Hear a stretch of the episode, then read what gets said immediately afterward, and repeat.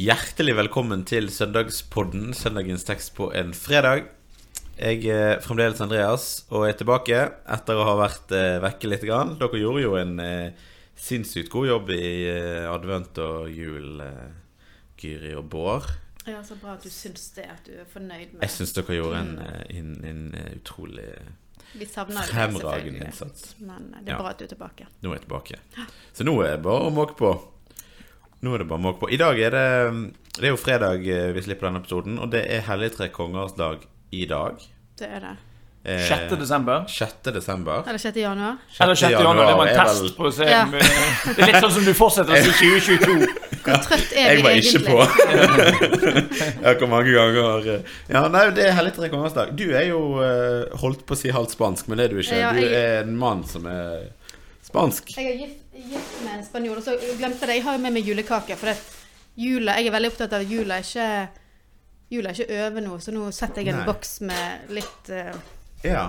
rester av julekakene sånn, på bordet, så vi kan ha Ja, Men julen begynner jo nå. Altså Juletiden er Ja, jo er det nå. det, ja? altså, det er det som er litt sånn eh, Varer den ut søndag, eller varer den litt til? Det er jo litt Ja, Noen sier jo 20. dag jul. 20. dag jul holder jeg ofte på. Ja.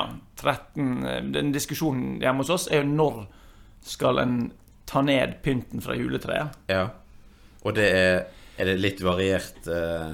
Nei, altså det er, like det er minst like sterke meninger om det som uh, når en skal ta opp pynten. Altså Jeg Ja. er jo en sånn som vil ta opp pynten seint, men heller la den henge lenge. Mm. Så jeg vil liksom helst pynte treet på lille julaften på kvelden. Mm. Uh, og så latt det henge til 20. dag jul. I hvert fall. I Eh, hvert fall, ja. men eh, For jeg tenker det er januar 20. dag jul eh, Eller 20. dag Knut Ja, driver julen ut. ja, nettopp. Det, ja. Eh, nei, men sånn Men jeg, jeg taper jo på alle punkter. Eh, det er sikkert litt fordi jeg ikke eh, engasjerer meg nok i selve pyntingen? pyntingen. Eventuelt nedpyntingen? Eh, Eventuelt Ja. nedpyntingen. Ja. Så nå tror jeg den ble outsourcet til hjemmeværende datter før hun drar tilbake og studerer. Ok, så når går den ut i år, da? Nei, nå tror jeg det holder den til fredag, så er det veldig bra. Oi. I dag, Det er jo, altså. Ja. det er jo godkjent, det òg, etter gamle Det er jo Ja. lov å ta den på 13. Men hvordan er dere? Har dere tatt ned for Nei, nei, vi har ikke tatt ned eh, Vi pynta lille julaften på kvelden, faktisk, i år. Og Kjenner så- dette en familie jeg gjerne skulle Ja. vært en del av? Og vi har ikke tatt den av eh, ennå, men eh, Nei, jeg, jeg tar det ofte en plass mellom eh, 6. januar og 30 jan 13. Litt Ja. alt etter hva som passer, da. Men uh, er lenger enn 13. da. Nei. Men i Spania da så er det jo eh, 6. som er litt sånn stor dag, for da er det eh, du, du går ut av jula med et sånn smell, føler jeg, med Ja. gaveutdeling og opptog i byene med hellige til konger som hiver ut godteri og sånn. Eh, så der er det jo litt sånn Ja, litt sånn noe å se fram til helt på slutten der. Og vi Det har en jo hatt på juletrefester. Det er akkurat sånn det. her i, Det er jo det i, ennå. i, i Norge fremdeles, de som har juletrefest. Mm. Det er det for lite av, forresten. Ja, det er litt for lite sånn som juletrefest, ja. eh, eh, Kanskje det kommer på Unescos verdensarvliste. Altså sånn ba basar og Det var jo alltid bedehusene hadde jo ofte det, Ja, ja. Og, men det er Og vi har jo i Birkeland har det vært en tradisjon med, med juletrefest denne helgen. Ja. Med Hellige tre konger som deler ut eh, godteposer til ungene. mm. Så det er jo Vi har faktisk eh, har, Jeg har faktisk ikke tenkt så veldig mye over det, men det er jo faktisk ivaretatt en litt sånn Helle tre feiring her. Ja da. Litt av utfordringen med godteposer nå er jo at når etter hvert som altså Før var jo det å få en godtepose noe litt sånn eksotisk. Du fikk det en sjelden gang på en bursdag. Sant? Men nå er jo det godt snop i Vi har igjen for halloween halloween ennå, liksom. Ja, ja, ja, det henger sånn, liksom og nå har vi, de gikk òg julebukk på Ja. nyttårsaften. Men da gikk det ikke så masse. Men, eh, men det Men Ja. Hva kunne en hatt istedenfor godteposen, som er mer eksklusivt? Gullrøkkelsomyra, for eksempel. Kanskje vi skal gå tilbake til det? Nei, Og litt eh, gull hadde vært veldig greit. det. Da tror jeg det hadde kommet mange på sånn juletrefest. Sant? Ja. Altså, Hvis du har fått ut gull? En liten Ja, ja, gullklump. ja. Det hadde the ikke vært original noe. gifts. Liksom. Nei, men uh, kanskje det er en, uh, en smooth overgang til, uh, til søndagens tekst. Der Ja. vi får et, et møte med den delen av julespillet som ikke leses på julaften. Ja. Kanskje vi kan kalle det det. Ja, for denne står i Matteus kapittel 2. Da Jesus var født i Betlehem i Judea, på den tiden Herodes var konge, kom noen vismenn fra Østen til Jerusalem og spurte. Hvor er jødenes konge som nå er født? Vi har sett stjernen hans gå opp, og vi har kommet for å hylle ham.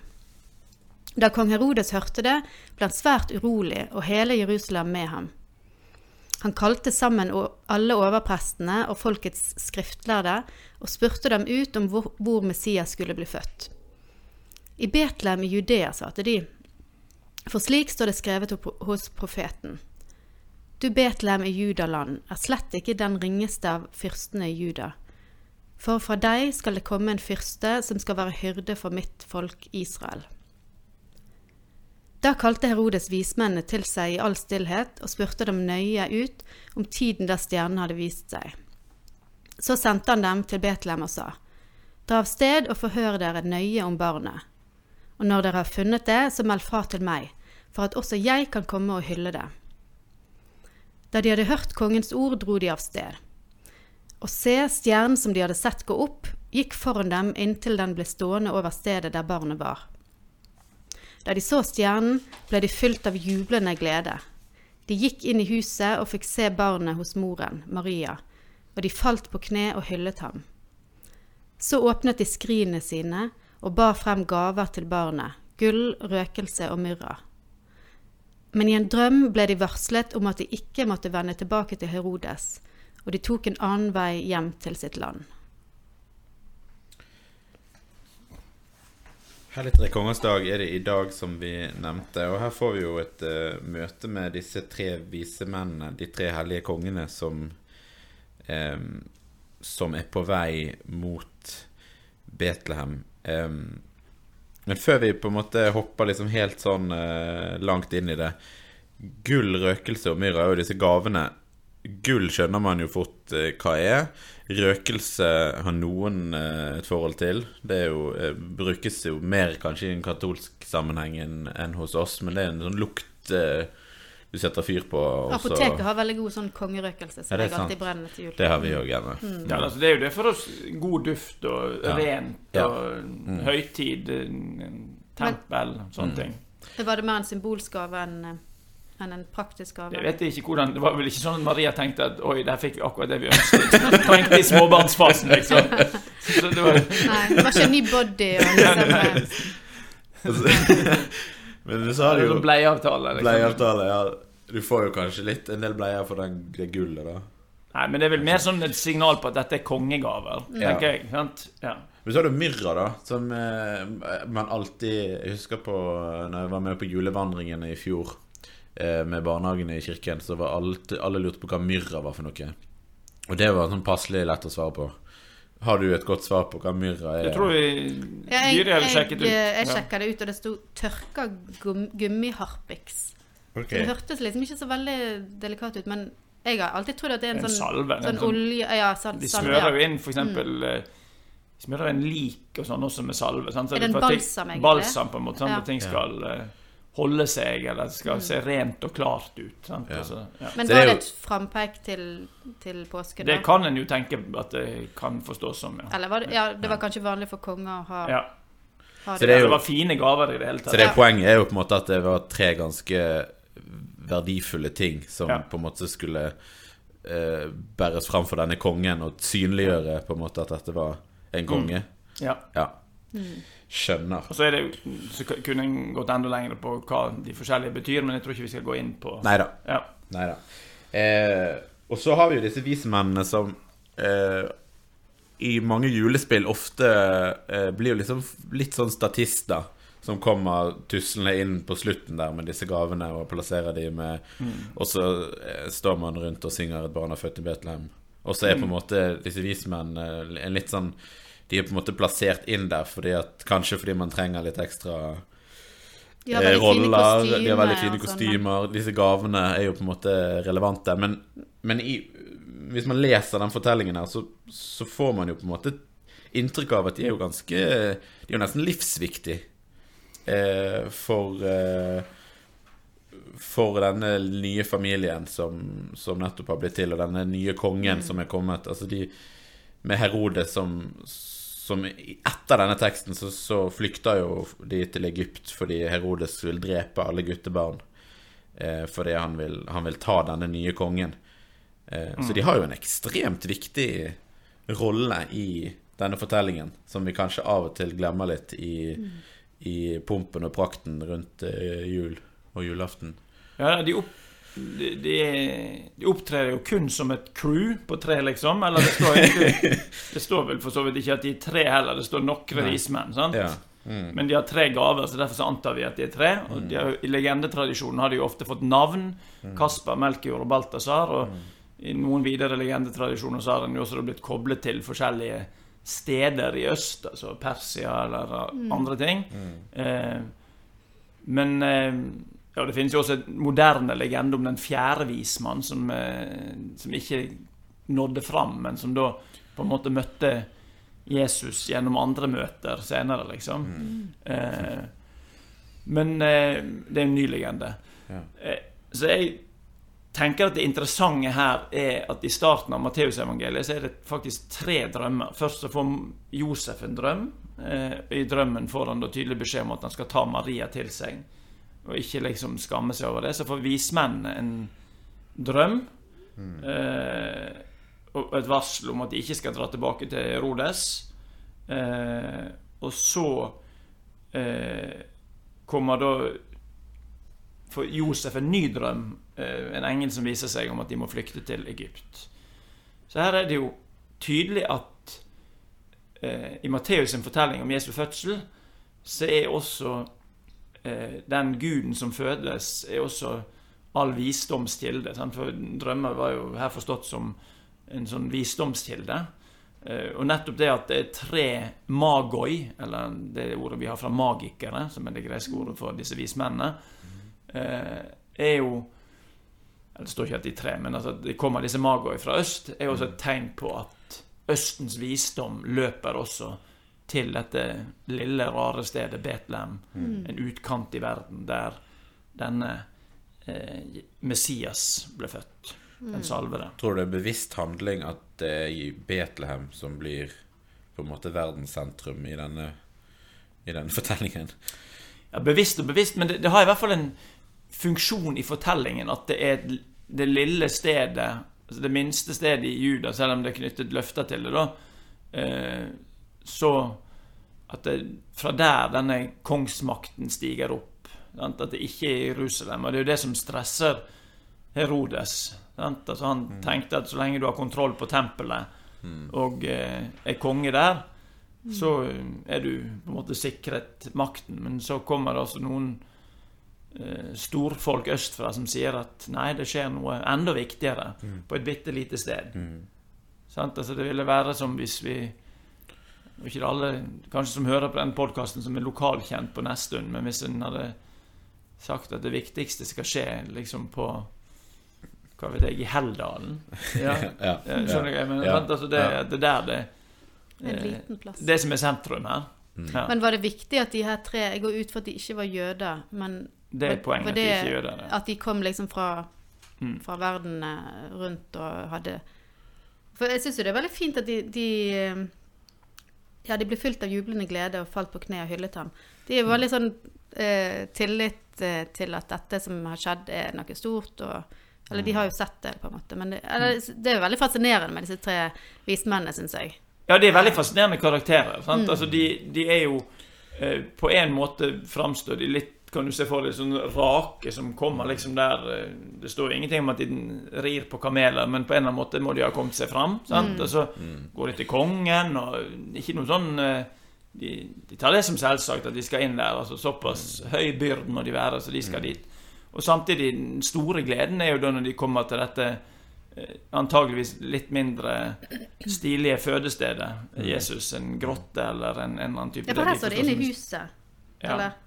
Ja, de gikk inn i huset. Men så det jeg, Ja, hva er et hus var, kan en jo diskutere, Ja. for å si det sånn, hva det betyr. Eh, men dette med jublende glede, at de falt på kne, eh, jeg tenker at det er et bilde eh, Det har blitt brukt også i en del av de som i senere tid har skrevet om hva en gudstjeneste er for noe. De har sagt at vismenn er, er på en måte den første menigheten som viser hvordan en eh, en slags hermetegn, eksemplarisk oppførsel, ikke i moralsk forstand, men i mer sånn eh, åndelig og eh, eksistensiell forstand, det å hengi seg til dette barnet som er født inn i verden, og falle på kne. Eh, mens da på en måte løgntilbedelsen er Herodes som sier at 'vis meg' Du, du ser liksom for deg at det en, det er nesten som du snakker Herodes-stemmen må være sånn som dette. Sant? Vis meg barnet, så jeg også kan tilbe det. Sånn som og Askepott og de tre men- jo, men du føler liksom at det er en sånn type sant? Ja. En, en stemme som du ikke tror på. Og så Som også sier han skal tilbe, men det som han egentlig gjør, er jo at det, det første eh, må, må- vi si det, altså, Folkemord i en viss forstand. Altså, du tar livet av alle guttebarn. Eh, det er jo helt forferdelig. Sant? Eh, så her har du en voldsom kontrast mellom den sanne tilbedelse og løgntilbedelsen. Sant? Eh, og, eh, og det er også at den tilbedende blir glad når du får gi fra deg gaven. Altså det, det å få legge alt over på dette barnet, det tenker jeg også er et bilde på hva gudstjenestefeiring er. Ja, det er sant. Men altså, du snakk, altså, på julaften så er det jo en annen tekst. Og der Ja. møter vi jo ikke de tre vise menn. Nei. Eh, kan ikke du fortelle litt om hvordan de andre Ja, det, evangelistene det, snakker det om syns jeg er litt interessant, fordi eh, en kan jo eh, bli sånn og si Ja, hvorfor står det ikke noe om eh, de tre vise mennene hos Lukas? Betyr det at eh, Så hva betyr det for noe? Sant? Men hvis vi nå ser på de fire evangeliene, Johannes, Markus, Lukas og Matteus Det riktignok ikke i den eh, rekkefølgen de står i, eh, i Bibelen, men eh, så må en jo tenke at dette er fire biografier om livet til Jesus, dette gudemennesket, denne nye kongen, verdens frelser.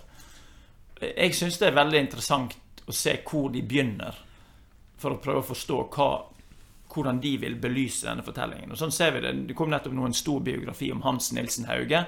som plutselig mange sier Oi, denne måten å tenke om det på har jeg ikke tenkt altså, En sånn vektlegging, det var nytt.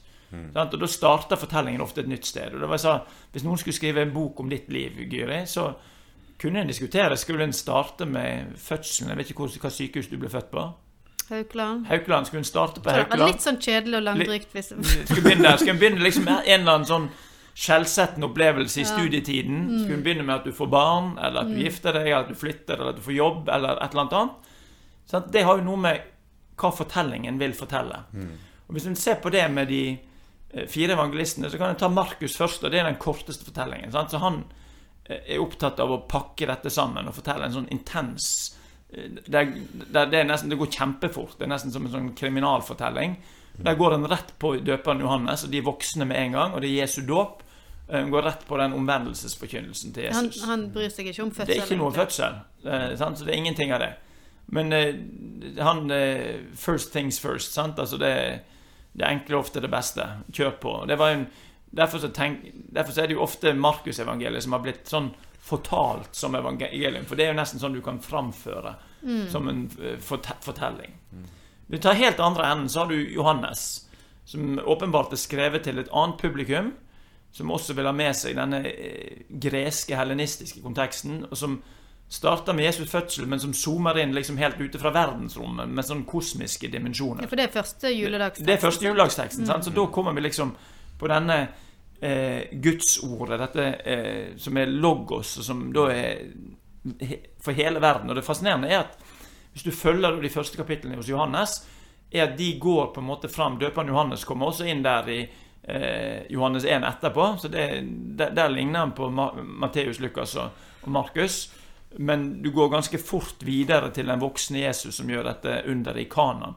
Men så kommer han til Johannes 4, og der eh, er det da et møte med den samaritanske kvinnen, som er den første utenfor en jødisk kontekst. Og det er hun som er den første som sier han må være verdens frelser. Eller eh, Det er liksom når du møter samaritanerne der.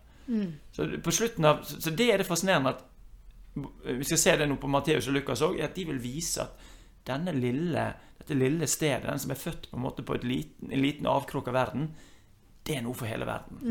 Og Det finner du også hos Lukas og Matteus. Hos Lukas er jo dette på en måte verdensvide perspektivet hentet inn med at det er en del av en folketelling i Roma. Sant? Altså det er keiser Augustus og dette. Ellers så jo, bruker Lukas mye mer tid på familietilknytningen til mellom Johannes og Jesus, og alle engelfortellingene eh, og disse lovsangene. Sant? Så det er Zakaria og hele det greiene der.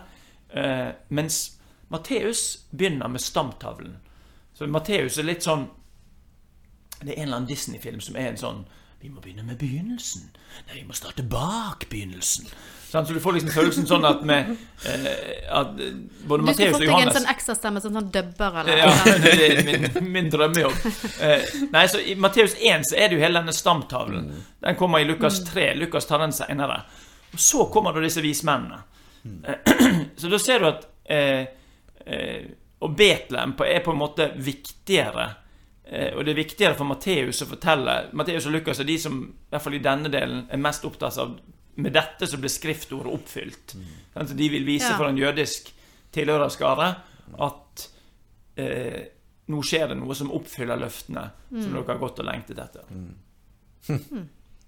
Så det, jeg tenker at dette gjør hele Jesus-fortellingen mye mer spennende. At det er forskjellige lyskastere som hjelper oss til å forstå dette er helt utrolig. At Gud fødes inn i verden. Og at vi trenger minst fire biografer for å beskrive Det det. er jo veldig bra, iallfall. For tenk hvis Markus hadde vært det eneste. Da Så hadde ikke vi fått noe julefeiring, har vi det? Nei, det er ikke på den samme måten i hvert fall. Da hadde det vært liksom påske... Ja, da hadde det vært mye på lang, lengre påskeferie, kanskje. Nei, men det, jo, men det er jo litt interessant når en da ser det store bildet. For en, jeg har jo hørt og sikkert tenkt òg sjøl at eh, hvordan kan en eh, Hvordan kan dette være troverdig når en får så ulike, ulike fortellinger? Men så, når du ser det i sammenheng, så er det jo egentlig bare I hvert fall for min del da, styrker det jo egentlig bare troverdigheten enda mer. For du Ja, med, med det kosmiske og med det nære og med det Ja.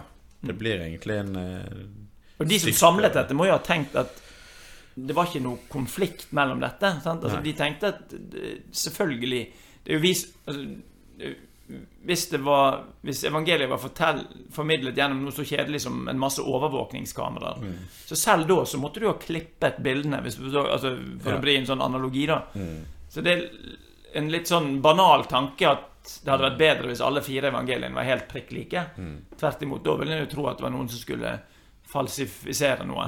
Ja. Sant? Men det at de faktisk er forskjellige, mm. og starter i forskjellige ting, og vektlegger forskjellige ting, tenker jeg styrker troverdigheten om at her eh, er det en fortelling om en historisk person, Jesus, som ble født på den tiden og på det stedet. Absolutt. Nei, men det er veldig spennende. Vi skal eh, gå inn for landing, og vi skal slutte med å be. Vår Far i himmelen. La navnet ditt helliges. La riket ditt komme. La viljen din skje på jorden slik som i himmelen. Gi oss i dag vårt daglige brød, og tilgi oss vår skyld slik også vi tilgir våre skyldnere. Og la oss ikke komme i fristelse, men frels oss fra det onde. For riket er ditt, og makten og æren i evighet. Amen. Velsign oss Gud Fader. Velsign oss Guds Sønn. Velsign oss Gud, du Hellige Ånd.